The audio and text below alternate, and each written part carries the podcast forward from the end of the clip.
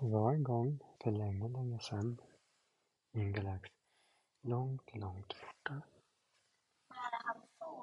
Nej, det var så här att eh. Glurp, vet hunden som bodde hos rebellerna, han eh, eh, behövde, ut, han behövde gå ut och springa lite i naturen, men det finns ingen natur på Home One.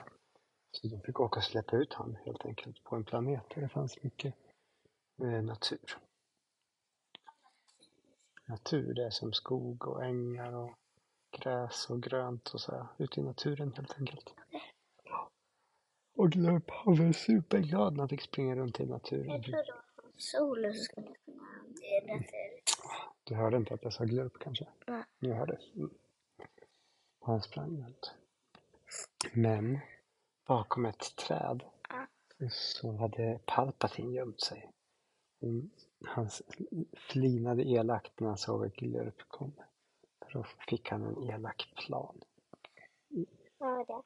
Ja, det ska vi få se.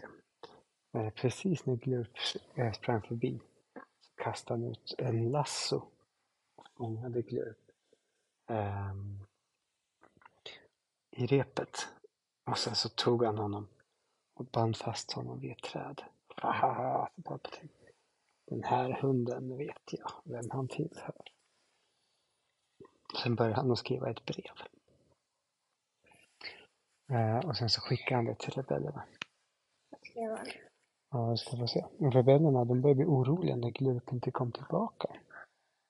De gick runt och ropade Glurp, Glurp. Ja, ingen som svarade och ingen Glurp som kom. Och när brevbäraren kom så fick de ett brev. Och där stod det med konstiga bokstäver. Jag har eran hund.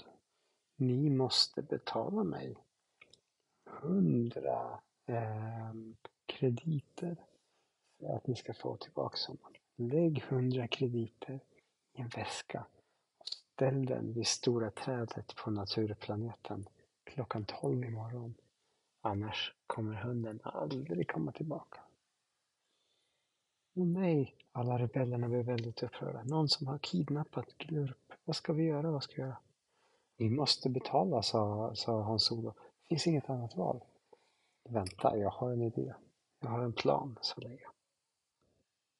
Sen började hon viska till alla sin plan. Mm. Och på kvällen så satte alla igång och jobbade med den hemliga planen. När nästa dag hade kommit och klockan hade blivit tolv så tog de en stor väska och ställde den vid det stora trädet.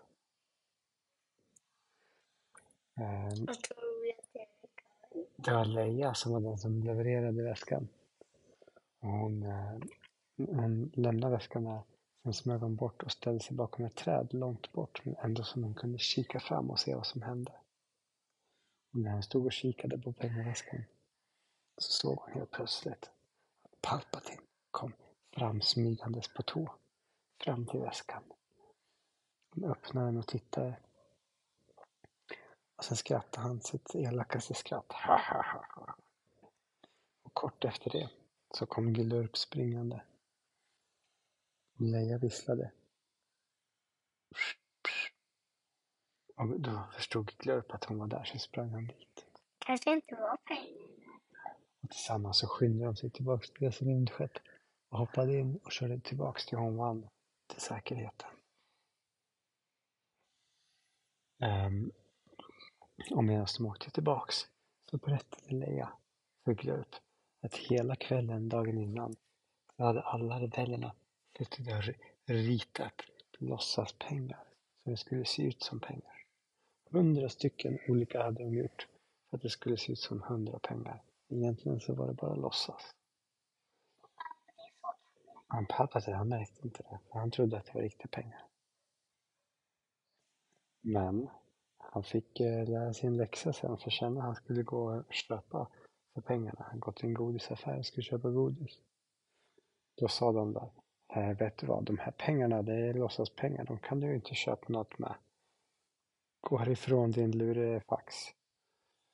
Och då förstod pappa att han blivit lurad. Och han blev så arg.